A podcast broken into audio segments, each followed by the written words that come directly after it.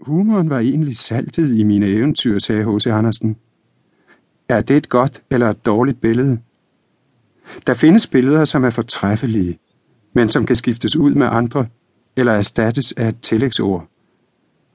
Hvis man siger, han er stærk som en løve, er det et udtryksfuldt billede. Men jeg kunne for så vidt lige så godt sige, stærk som en bjørn, eller bare stærk, eller bumstærk. Men hvad med H.C. Andersens sammenligning af humoren og saltet? Jeg mener, billedet er præcist. Det forholder sig jo sådan med salt, at det for det første har en beskyttende og bevarende kraft. Ting holder sig, når de er saltet ned, hvor de ellers ville rådne eller gå i fordærv eller blive fade. Men Der er forskel på en fad bemærkning og en ramsaltet bemærkning. Det ved vi fra dagligsproget. Derfor betyder udtrykket, så vidt jeg forstår det, at humoren bevarer H.C. Andersens stil frisk og ufordærvet. Når man tænker på, hvor mange af hans samtidig store navne man næsten ikke kan læse i dag, er det forunderligt så uberørt, at de mange år, der er gået, hans stil og tone holder sig. I en forstand var han jo et typisk udtryk for sin epoke. Han ville først og fremmest skrive romaner. Han var ikke i første omgang indstillet på at blive eventyrfortæller. At han blev det, har med perioden at gøre. Han følger i den forstand næsten helt banalt, hvad man forventede af romantiske digtere. De skulle naturligvis have sans for eventyret og det eventyrlige.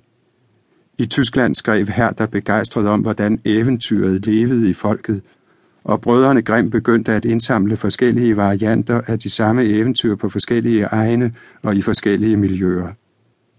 Herhjemme skrev Øens læger om Aladdin. Det var tusind og en nat og naturens mundre søn osv.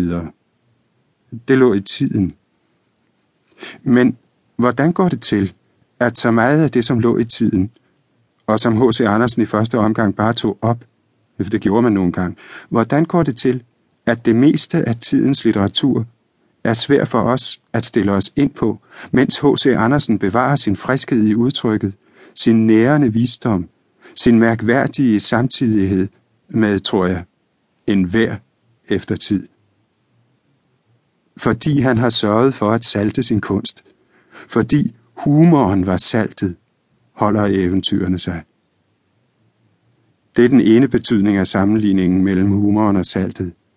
Den anden kender man fra enhver husholdning. Man tager en håndfuld salt, der kommer den i suppen. Man ved, hvor meget eller lidt man tog i hånden, men så snart man har sluppet det, vil man ikke længere kunne finde det. Hvor er det i suppen? Man smager det, men man kan ikke finde det, for det har opløst sig, som det skal. Det er ingen steder at se, og det er dog til stede alle vegne. Det flyder ikke kun ovenpå som kødbollerne. Det er øverst og nederst i suppegryden.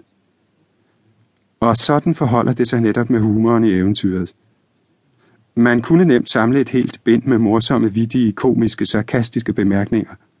Men man går fejl af H.C. Andersens humor, hvis man tror, den kun ligger i en replik eller en vidighed. Snart ligger den i en konstellation, eller et sammenstød mellem to verdener eller to personer, der mener, de hver har sandheden, men som har temmelig modstridende interesser, for eksempel en frø og en stork, eller en kat og en mus. Sommetider ligger den i det sagte, og ofte i det usagte. Sommetider ligger den i en indledning, og sommetider i en slutning, sommetider i en helhed, og sommetider i en enkelt del. Den er netop overalt. Som saltet er det i suppen, på en gang usporligt og ikke til at tage fejl af. Man kan let lave et udvalg af replikker, men lad mig her nøjes med nogle enkelte. Jeg vil ikke ærge mig, men ærger mig dog. Ja, det er jo en morsom bemærkning, selvom den dækker en sørgelig erfaring. Hvem kender ikke til, at man tænker, nej, nu vil jeg ikke ærge mig mere og så dog ærger sig videre på det ærgerligste. Sætningen bliver endnu sjovere, når man kommer i tanker om, at det er skarnbassen, der siger den. Det er morsomt at møde en selvbevidst agurk. Det fødes man til, sagde det inden i den. Ikke alle kan fødes til agurker. Der må også være andre levende arter. Hønsene, ænderne og hele nabogårdens besætning er også skabninger.